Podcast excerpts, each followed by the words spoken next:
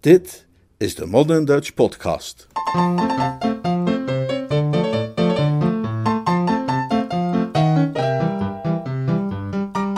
Jeeves is uniek. Een verhaal uit de pseudoroman The Inimitable Jeeves van P.G. Woodhouse, vertaald en voorgelezen door Leonard Beuger.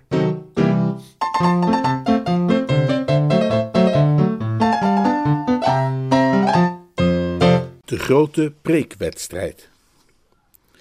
Als Goodwood achter de rug is, begin ik me eigenlijk altijd wat rusteloos te voelen. Ik ben normaal gesproken niet zo iemand van de vogeltjes en de vlindertjes en de vrije natuur, maar het is zeker waar dat Londen in augustus niet op zijn best is.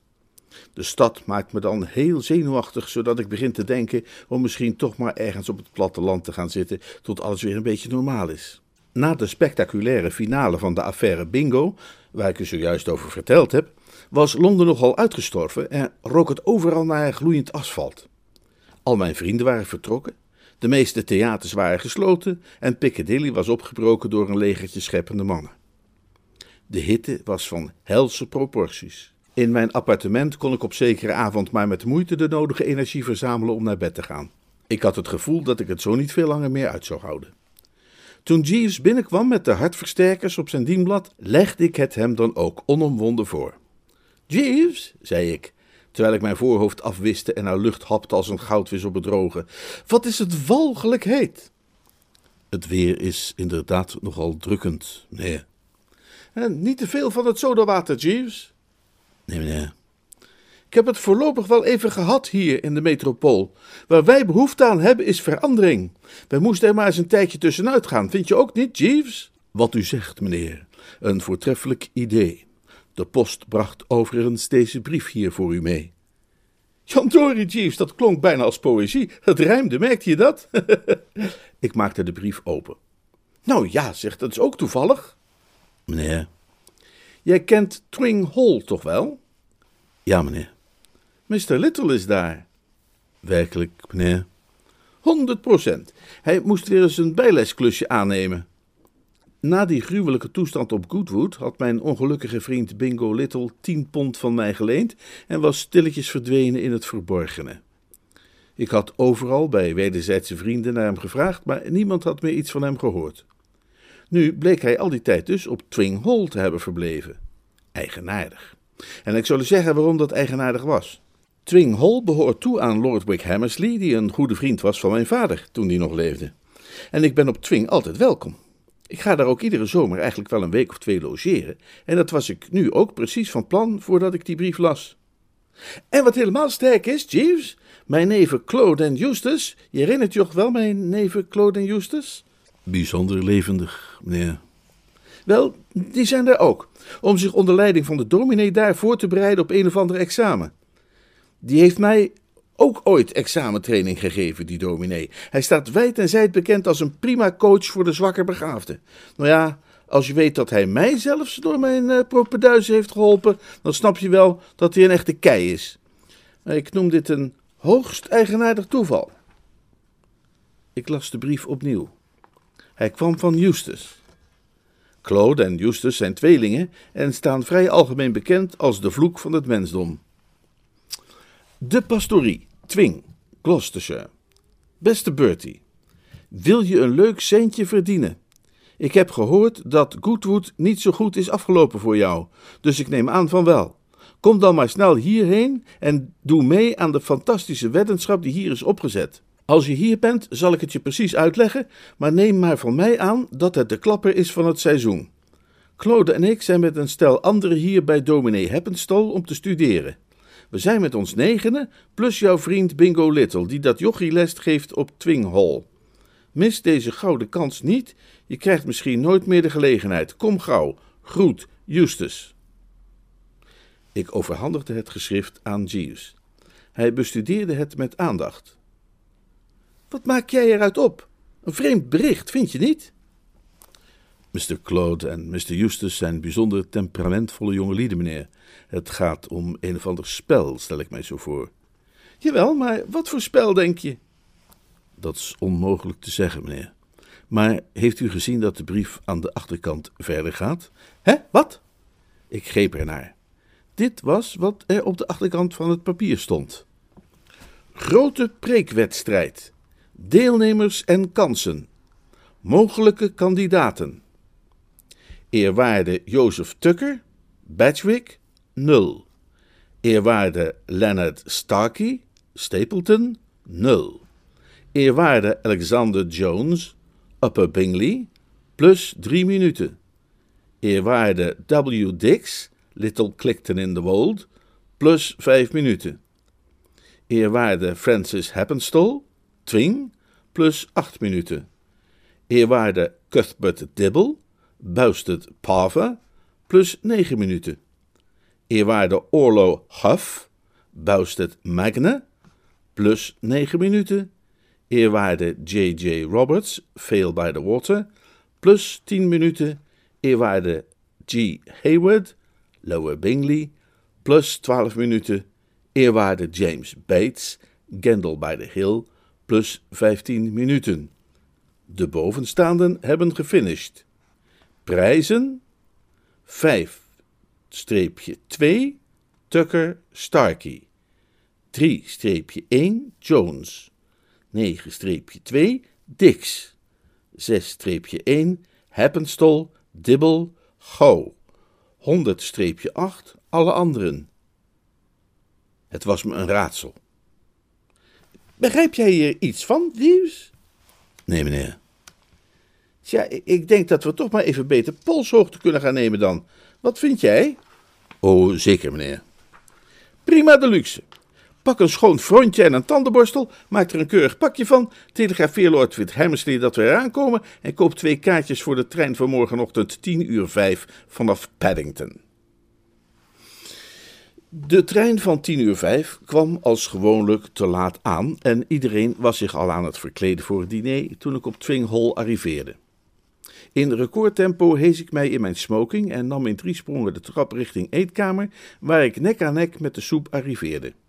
Ik streek haastig neer op de enige nog lege stoel en ontdekte dat ik zodoende naast Cynthia was komen te zitten, de jongste dochter van de oude Wick Hammersley. Oh, hallo meid!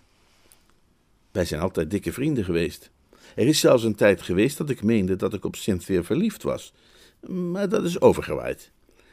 Ze is een bliksemsmooi en levendig en aantrekkelijk meisje, daar niet van, maar vol idealen en dergelijke.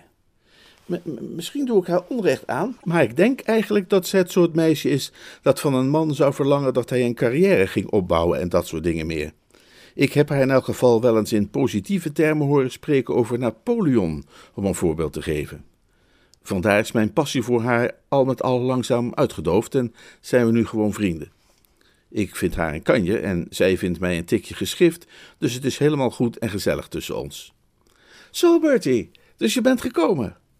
Ja, ja, gekomen, ja, ik ben er. Zeg, uh, ik lijk wel in een fix gezelschap terechtgekomen te zijn. Wie, wie, wie zijn al die figuren? Oh, gewoon wat mensen uit de buurt. De meeste van hen ken je wel. Dat is kolonel Willis, weet je nog wel? En dat zijn de Spencers. Oh ja, natuurlijk. En daar ginds, dat is de oude Heppenstol. En, uh, wie is die andere geestelijke, die daar naast uh, eh, Mrs. Spencer zit? Um, ehm, Mr. Hayward uit Lower Bingley. Wat een verbazende hoeveelheid geestelijke zijn er eigenlijk hier in de buurt. Trouwens, dat is er toch ook een? Daarnaast Mrs. Willis? Ja, dat is Mr. Bates, Mr. Happenstall's neef. Hij geeft les op Eton. Hij is hier voor de zomervakantie als locum tenens voor Mr. Spettig, de predikant van Gendel by the Hill. Ja, zijn gezicht kwam al zo bekend voor.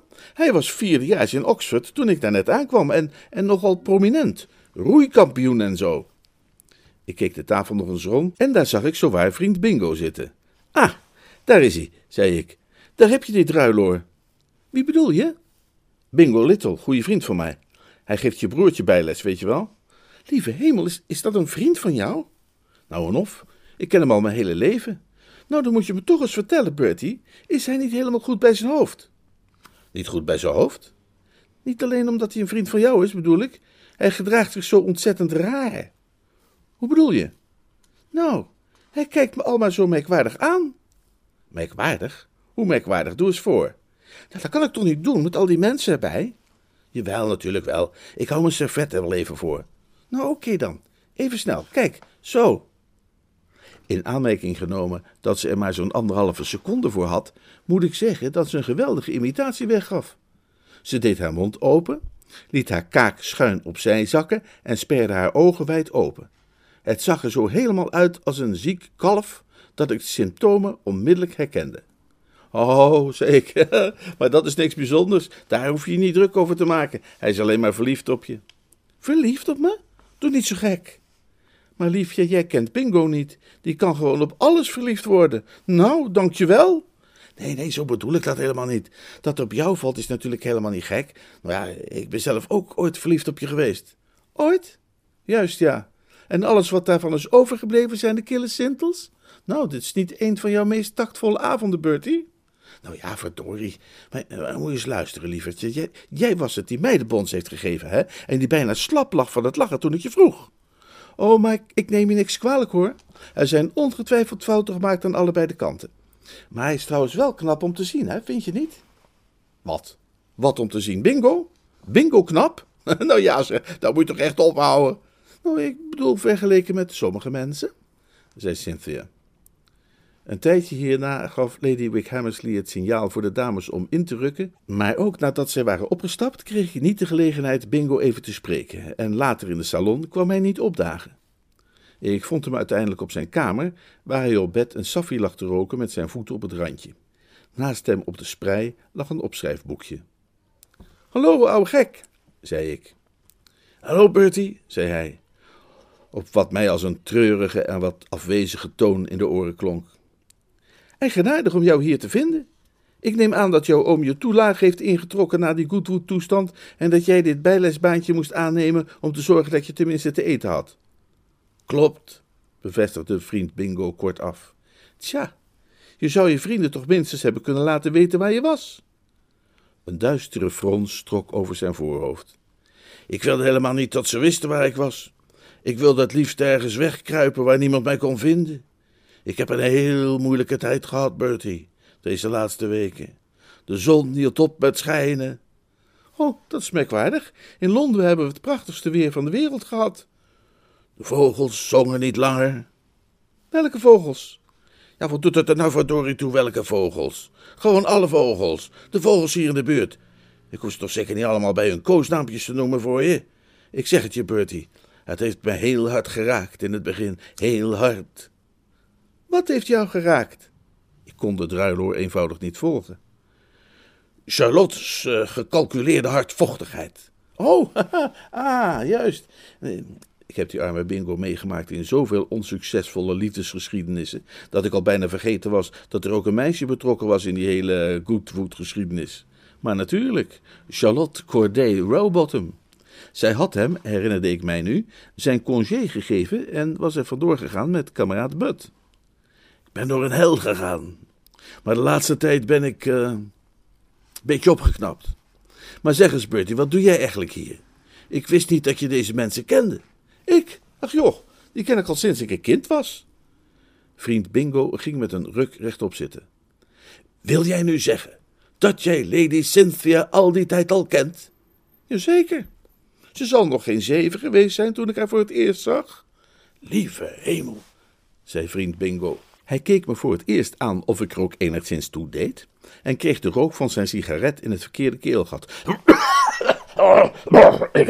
ik, ik hou van dat meisje, Bertie, ging hij verder toen hij uitgehoest was. Ja, ja, is een uh, heel leuk meisje inderdaad. Je kunt niet op zo'n afschuwelijk nonchalante manier over haar spreken.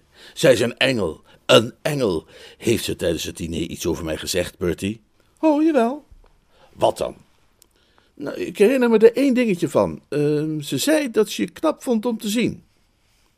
Vriend Bingo sloot zijn ogen in een soort extase. Daarna greep hij zijn opschrijfboekje. Doe me een plezier, beste kerel, en maak dat je wegkomt, zei hij met een hees en verdroomd stemgeluid. Ik moet nu even iets op papier zetten. Op papier zetten? Ja, poëzie als je het weten wilt.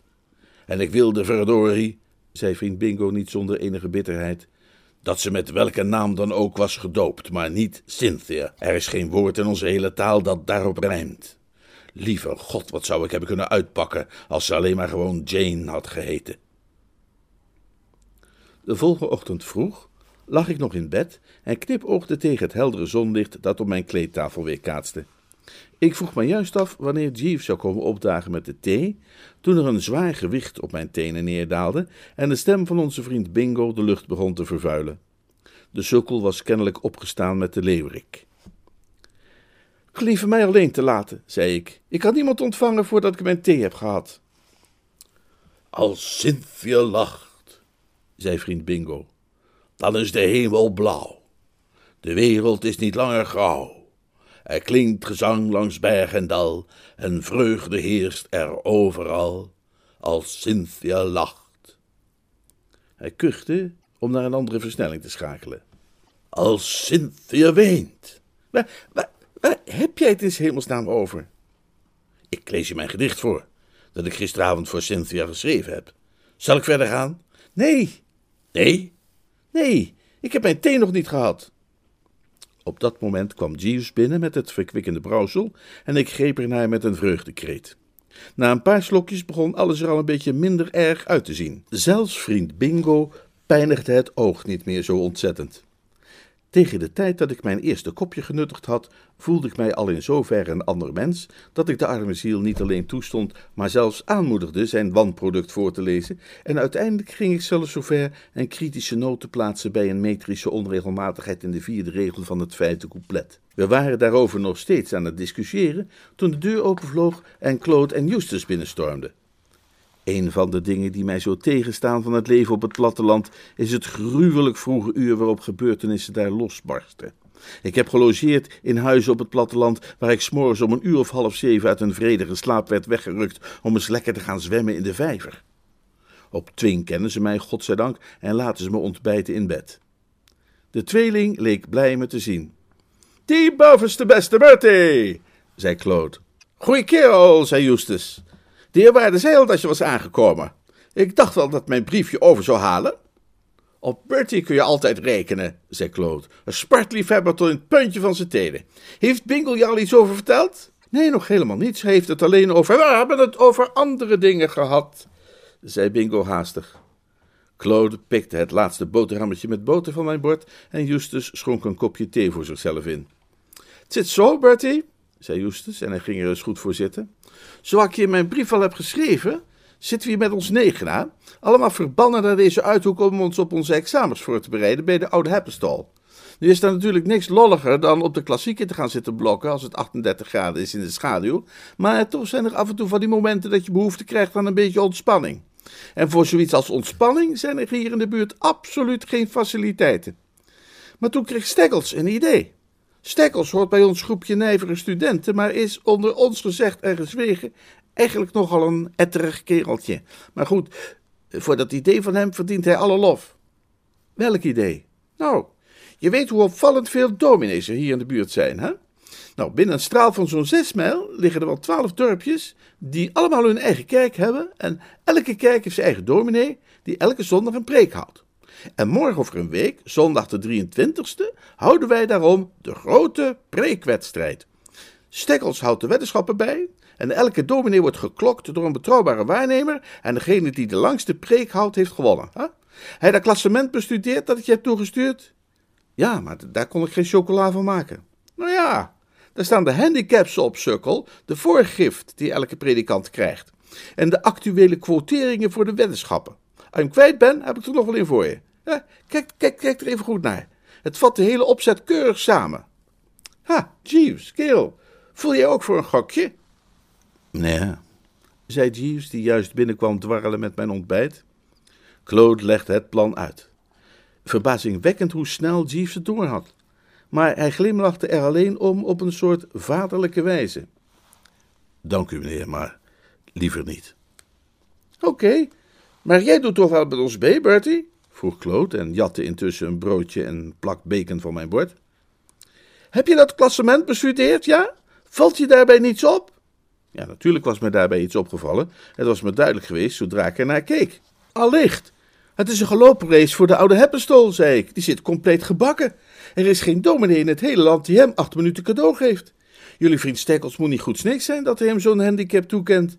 In de tijd dat ik les van hem had, preekte hij nooit korter dan een half uur. En een bepaalde preek van hem over de naaste liefde duurde minstens drie kwartier. Is jij het vuur een beetje kwijt de laatste tijd, of hoe zit dat? Helemaal niet, zei Justus. Vertel jij maar wat er gebeurd is, Claude. Nou, zei Claude, de eerste zondag dat we hier waren, gingen we allemaal in Twing naar de kerk. En de oude Heppenstal hield preek van ruim onder de twintig minuten. Maar dit is wat er gebeurde. Stekkels had het niet in de gaten en de eerwaarde had het zelf ook niet door. Maar Justus en ik hebben allebei gezien dat hij een stapeltje van minstens zes bladzijden uit zijn mapje verloor toen hij naar de preekstoel liep. Toen hij bij het ontbrekende stuk het manuscript kwam, knipperde hij wel even raar met zijn ogen, maar hij ging gewoon door. En zodoende had Stekkels uiteindelijk de indruk dat twintig minuten of nog iets minder zijn gebruikelijke vorm was. Zondag daarna zijn we naar Tucker en Starkey wezen luisteren en die gingen allebei ver over de 35 minuten. En zo is Steggles tot de indeling van het klassement gekomen die je gezien hebt. Je moet echt met ons meedoen, Bertie. Het probleem is namelijk dat ik geen rode cent heb en dat Justus geen rode cent heeft en Bingo Little ook niet. Jij zult het syndicaatbus moeten financieren en krabbel nu niet terug. Het is puur geld verdienen voor ons allemaal. Wij moeten nu gaan, denk er even over na, bel me dan op, maar wel vandaag nog. En als jij ons laat zitten, Bertie, weet dan dat de vloek van de neef, hè, hè? Kom mee, kerel.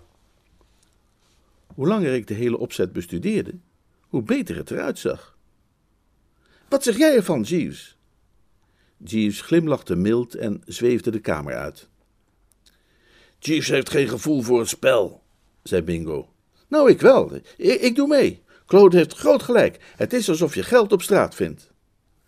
Goeie vent, zei Bingo. Ik zie weer licht aan het eind van de tunnel. Stel dat ik een tientje wet op Heppestel en win, dan heb ik tenminste wat in de hand om in te zetten op Pink Pill in de race van twee uur op Gatwick over veertien dagen. En als ik dat win, zet ik de hele pot op Muskrat, in die van half twee op Lewis. En dan heb ik tenminste een fikse som als ik op 10 september naar Alexander Park ga, waar ik een gouden tip voor heb, regelrecht uit de stallen.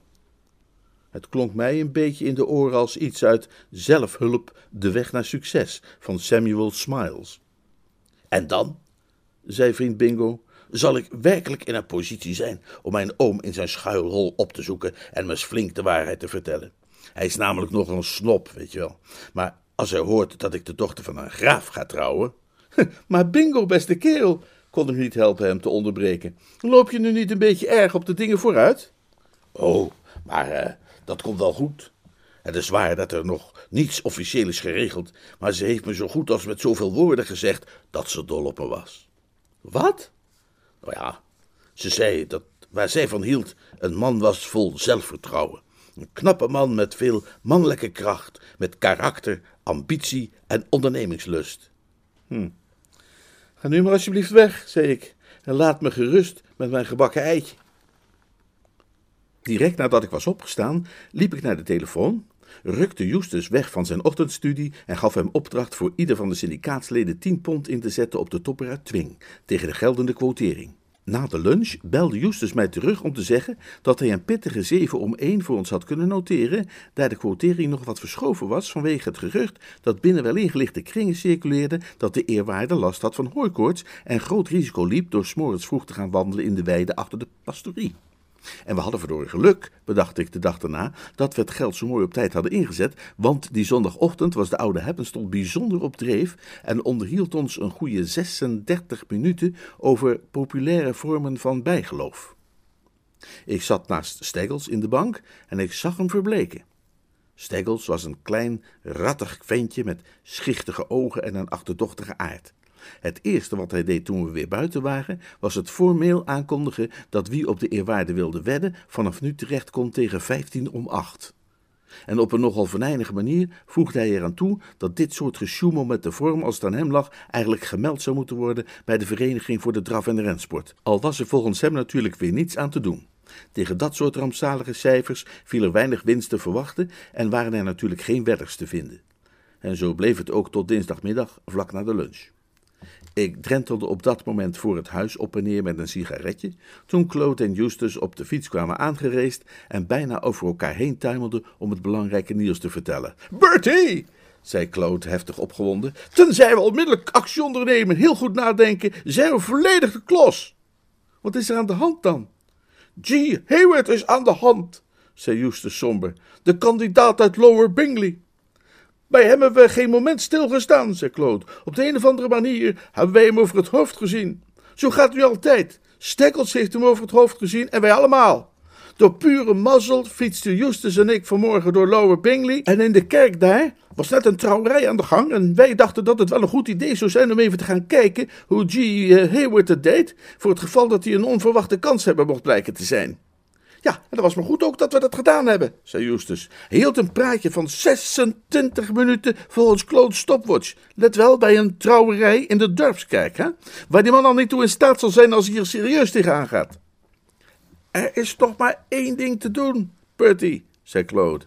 Je moet ons nog wat fondsen leveren, zodat we in Hayward kunnen investeren om onze huid te redden. Maar het is de enige oplossing. Ja, maar hallo, ik vind het een hele akelige gedachte dat alles wat we op Happenstall hebben ingezet opeens weggegooid geld zou zijn. Maar wat heb je anders voor voorstel? Je denkt toch niet dat de eerwaarde met zo'n voorgift tegen een dergelijke kampioen op kan? Of wel soms? Ik heb het, zei ik. Wat? Een manier om zeker te stellen dat onze favoriet toch gaat winnen. Ik ga vanmiddag naar hem toe en dan vraag ik hem om als een persoonlijke gunst aan mij die preek van hem over naaste liefde aanstaande zondag nog een keer te houden. Claude en Justus keken elkaar aan met de stoutste verwachtingen, zoals die kerels in het bekende gedicht. Goed plan, zei Claude. Een verdomd slim plannetje ook, zei Justus. Ik wist niet dat je het in je had, Bertie. Maar dan nog, zei Claude. Die preek is vast een klapper, dat geloof ik graag, maar is die goed genoeg om tegen een voorgift van vier minuten op te kunnen? Makkelijk, zei ik. Toen ik jullie zei dat die 45 minuten duurde, was dat eerder een te lage dan een te hoge schatting. Naar mijn herinnering moet hij zelfs dichter bij de 50 minuten hebben gelegen. Nou, dan moet je dat vooral doen, zei Claude. Diezelfde avond ging ik naar de pastorie om het te regelen. De oude Heppenstol reageerde allervriendelijkst. Hij leek vereerd en geraakt dat ik die preek na al die jaren niet was vergeten, en zei dat hij er wel eens een enkele keer aan had gedacht om die preek nog eens te houden, maar dan had hij bij nader inzien toch geoordeeld dat die daarvoor misschien toch wel wat te lang was. Het was hier tenslotte maar een eenvoudige plattelandsgemeente. En in dit rusteloze tijdperk, mijn beste woester, zei hij, vrees ik dat bondigheid in de preekstoel meer en meer verlangd wordt zelfs door de kerkganger ten plattelande, van wie men misschien verwachten zou dat hij minder werd besmet met het virus van haast en ongeduld dan zijn broeder uit de grote stad. Ik heb hier vaak over gediscussieerd met mijn neef, de jonge Bijts, die op het moment waarneemt voor mijn oude vriend Spattic in Kettle by the Hill. Naar zijn mening zou de moderne preek een frisse, levendige toespraak moeten zijn, gegeven uit de losse pols en nooit langer dan tien of twaalf minuten. Maar lang, zei ik. Lieve goedheid, u wilt die preek van u over naastenliefde toch niet lang noemen? Die preek duurt zeker vijftig minuten. Het is toch niet waar? Uw ongeloof is bijzonder vleiend, mijn beste woester. Veel vleiender uiteraard dan ik verdien, maar desalniettemin, dat zijn toch de feiten. Denkt u echt dat het niet beter zou wezen hier en daar wat te schrappen of in te korten? Wat snijden en snoeien kan heel verstandig zijn. Ik zou bijvoorbeeld die vrij uitputtende passage over het gezinsleven van de vroege Assyriërs kunnen overslaan. Nee, nee, nee, verander vooral geen woord. Dat zou de hele compositie bederven, zei ik ernstig. Het doet me genoegen u dat te horen zeggen. Ik zal die preek aanstaande zondag houden, zonder mankeren. Ik heb het altijd gezegd, en dat zal ik ook blijven doen. Dat wedden tegen de lopende koers is een onding. Dat moet je niet doen. Dat is gewoon stom. Je weet nooit wat er gaat gebeuren. Als mensen eenvoudig altijd zouden inzetten tegen de quotering op het moment van de start, als vanouds, dan zouden er minder jongelui hun leven teloor zien gaan. Ik had die zaterdagochtend nog maar nauwelijks mijn ontbijt achter de kiezen toen Jeeves aan mijn bed kwam staan om te zeggen dat Eustace voor me aan de telefoon was. Lieve hemel, Jeeves, wat zou er aan de hand zijn, denk je? Ik moet zeggen dat ik tegen die tijd al aardig wat gespannen was geraakt. Uh, Mr. Eustace heeft mij daaromtrent uh, niet in vertrouwen genomen, meneer. Klonk hij zenuwachtig? Aanmerkelijk geëxalteerd, meneer, te oordelen naar zijn stemgebruik. Weet je wat ik denk, Jeeves? Dat er iets mis aan het gaan is met de favoriet. Wie is de favoriet, meneer? Mr. Heppenstall. Zijn quotering loopt op. Hij was van plan een preek te houden over naaste liefde die hem vele lengte voorsprong zou geven. Ik vraag me af of er niets met hem is gebeurd. U zou het Mr. Eustace kunnen vragen, meneer. Hij is nog altijd aan de telefoon. Oh, grote giebels, ja. Ik schoot mijn kamerjas aan en vloog de trap af als een geweldige gedreven wind. Zodra ik Eustace's stem hoorde, wist ik dat het mis was. Er klonk een pijnlijke barst in. Bertie, spreek je mee? Dat heeft lang geduurd, zeg, Bertie. We zijn de klos. De favoriet ligt eruit. Nee. Jawel. De hele nacht heeft hij staan hoesten in zijn stal. Wat? Ja, mooi Oh, lieve hemel. De dokter is nu bij hem en het is een kwestie van een paar minuten. Dan wordt hij officieel geschrapt. Dat houdt in dat zijn hulpprediker aan de start zal verschijnen. En die is hopeloos. Die kun je krijgen tegen honderd om zes. Maar niemand is zo gek. Wat doen we daaraan? Ik moest daar eerst even een momentje in stilte mee worstelen. Justus? Ja, hallo? Wat wordt er op uh, G. Hayward geboden?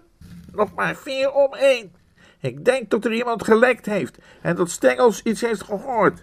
Zijn quotering is gisteravond opvallend omhoog gegaan. Hm, met vier om één zijn we gered. Zet nog vijf pond op G. Hayward voor iedereen in het syndicaat. Dan blijven we tenminste in de zwarte cijfers. Als hij wint. Ja, hoe bedoel je? Dat was toch een zekere winnaar volgens jou, afgezien van Heppenstol? Ik begin me af te vragen, zei Justus somber, of er wel zoiets als een zekere winnaar bestaat in deze wereld. Ik hoor dat de eerwaarde Joseph Tucker een buitengewoon fraaie galop heeft laten zien bij een moederclub in Batchwick gistermiddag. Maar goed, het lijkt inderdaad onze enige kans. Toedeloe! Omdat ik niet een van de officiële waarnemers was, kon ik de volgende ochtend de kerk uitkiezen die ik wilde. En ik aarzelde vanzelfsprekend geen moment. Het enige nadeel van een bezoek aan Lower Bingley was dat het 15 kilometer verderop lag. Dat betekende dus vroeg opstaan. Maar ik leende een fiets van een van de stalknechten en peddelde erheen. Ik had het alleen van Eustace dat G. Hayward zijn koerspaard was, en het kon natuurlijk zijn dat hij toevallig goed uit de verf was gekomen op die bruiloft waar de tweelingen hem hadden horen preken. Iedere twijfel die ik mocht hebben gehad verdween echter op het moment dat hij de preekstoel betrad. Eustace had helemaal gelijk gehad. De man was een topdraver. Hij was een lange, magere grijsaard en ging er vanaf de start op een fraaie, evenwichtige manier vandoor. Na iedere zin hield hij even stil om zijn keel te schrapen en het duurde geen vijf minuten eer ik mij realiseerde dat ik met een winnaar te maken had. Zijn gewoonte om af en toe opeens te zwijgen en de hele kerk rond te kijken leverde ons minuten op en in de slotsprint tikte de klok lekker door toen hij zijn pince liet vallen en daar geruime tijd naar moest uh, grabbelen. Bij de 20 minuten streep was hij eigenlijk nog maar net op gang. Bij de 25 kwam hij goed op dreef en toen hij na een fraaie slotfase tenslotte de eindstreep bereikte, wees de klok 35 minuten en 14 seconden.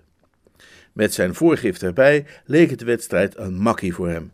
En het was dan ook vol bonhomie en een positief gevoel voor ieder medemens dat ik weer op de fiets sprong en de terugreis naar Twing aanvaarde met het oog op de lunch. Toen ik aankwam was Bingo met iemand aan de telefoon. Mooi, geweldig, helemaal goed, zei hij. Hè? Oh nee, daar hoeven wij ons geen zorgen over te maken. Prima, prima. Nee, ik zal het tegen Bertie zeggen. Hij legde de hoorn op de haak en kreeg mij tegelijkertijd in het oog. Oh, hallo Bertie. Ik had net Justus aan de telefoon. Alles komt goed. Het verslag uit Lower Bingley is juist binnengekomen. G. Hayward gaat dit winnen met twee vingers in zijn neus. Nee, dat wist ik al. Ik kom er net vandaan. Oh, was je daarheen? Ik was in Patchwick. Tucker heeft prima gelopen, maar die voorgeeft heeft hem genekt. Starkey aan de zere kelen bleef helemaal nergens. Roberts uit de Veel by the Water werd derde. Lang leven G. Hayward, zei Bingo hartelijk, en we kuierden samen naar buiten het terras op. Zijn alle verslagen nu binnen dan? vroeg ik. Allemaal, behalve dat uit Kendall bij de Hill. Maar over Bates hoeven we ons geen zorgen te maken. Die heeft nooit een schijn van kans gehad. Tussen haakjes. Onze brave Jeeves is zijn tien pond in elk geval kwijt, die sukkel. Jeeves? Hoe bedoel je? Hij kwam vanmorgen naar me toe, vlak nadat jij vertrokken was, en vroeg me om namens hem tien flappen op Bates te zetten. Ik zei tegen hem dat hij wel gek leek, Hij raadde hem dringend aan zijn geld niet weg te gooien, maar hij wilde het per se. Neemt u mij niet kwalijk, meneer. Dit briefje werd vanmorgen bezorgd, vlak nadat u was vertrokken. Jeeves had zich vanuit het niets gematerialiseerd en stond naast mij. Hè? Wat? Briefje? De butler van de eerwaarde heer Heppenstol bracht het vanuit de pastorie. Het kwam te laat om nog aan u te kunnen worden overhandigd. Vriend Bingo begon meteen op vaderlijke toon tegen Jeeves over wedden zonder rekening te houden met de vorm waarin de deelnemers verkeren. De kreet die ik gaf deed hem midden in een zin hard op zijn tong bijten. Zakker u, wat is er aan de hand? vroeg hij, lelijk ontstemd. We zijn in de aap gelogeerd. Moet je horen? Ik las hem het briefje voor. De pastorie, Twing, Gloucestershire. Beste Woester. Zoals u misschien al hebt gehoord, zal ik door omstandigheden waarover ik geen zeggenschap heb, aan uw vleiende verzoek om mijn preek over de naaste liefde nog eens te houden, helaas niet kunnen voldoen. Ik wil u echter niet gaarne teleurstellen. Daarom, wanneer u de eredienst vanmorgen bijwoont in Gendel bij de Hill, dan zult u mijn preek daar kunnen horen uit de mond van mijn neef, de jonge Bates. Ik heb hem het manuscript op zijn dringend verzoek uitgeleend, omdat er, onder ons gezegd, op de achtergrond een belangrijke kwestie speelt. Mijn neef is een van de slechts twee overgebleven kandidaten voor de functie van directeur aan een vooraanstaande kostschool. Gisteravond laat ontving James uit vertrouwelijke bron de informatie dat de voorzitter van het bestuur van die school van plan was deze zondag naar zijn preek te komen luisteren om zich een oordeel te kunnen vormen over zijn kwaliteiten op dat gebied. Dat oordeel geldt vervolgens als een belangrijke overweging in de keuze van het bestuur. Ik heb zijn verzoek ingewilligd hem mijn preek uit te lenen over de naastliefde, waaraan hij, net als u, kennelijk een levendige herinnering bewaarde. Er zou geen tijd meer geweest zijn voor hem om zelf een preek van voldoende lengte te componeren, in plaats van de korte toespraak waartoe hij, ten onrechte, naar mijn idee, van plan was zich te beperken tegenover zijn landelijke kudde, en ik wilde die jongen graag bijstaan. In het volle vertrouwen dat zijn voordracht van deze preek u evenveel goede herinneringen zal verschaffen als naar uw zeggen de mijne ooit deed, verblijf ik van harte de uwe, F. Heppenstal. PS. Mijn ogen zijn op het moment ten gevolge van de hooikoorts dermate zwak dat ik deze brief aan mijn butler Brookfield heb moeten dicteren, die hem tevens bij u zal bezorgen. Ik geloof niet dat ik ooit een luidere stilte heb ervaren dan die welke er viel nadat ik dit opgewekte epistel had voorgelezen. Vriend Bingo slikte een paar keer hoorbaar en praktisch iedere bekende emotie tekende zich achtereenvolgens af op zijn gezicht. Jeeves kuchte eenmaal zachtjes en bescheiden als een schaap bij wie een grasprietje in de keel is blijven steken en bleef stilzwijgend en sereen naar het landschap staren. Het was tenslotte vriend Bingo die de stilte verbrak. Grote genade, fluisterde hij schor. Een gevalletje startprijs. Dat is inderdaad de technische term, naar ik meen, meneer, zei Jeeves. Dus jij had voorkennis, verdorie, zei vriend Bingo. Tja, meneer, inderdaad, zei Jeeves. Uh, Brookfield liet iets vallen over de inhoud van de brief toen hij mij die bracht. Uh, uh, wij zijn oude vrienden. Bingo's gelaatsuitdrukking vertoonde achtereenvolgens verdriet, ergernis, woede, wanhoop en wraaklust. Het is schot geklaagd, riep hij uit. Dat is alles wat ik ervan zeggen wil. Iemand anders preek preken. Noem je dat eerlijk? Noem je dat sportief? Nou ja, beste kerel, zei ik, je zult moeten toegeven, het valt binnen de regels. Die dominees doen dat de hele tijd.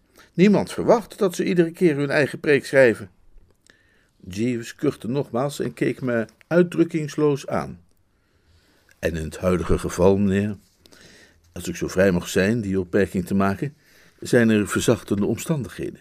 Wij moeten wel bedenken dat het verwerven van een post als hoofd der school van essentieel belang was voor het jonge paar.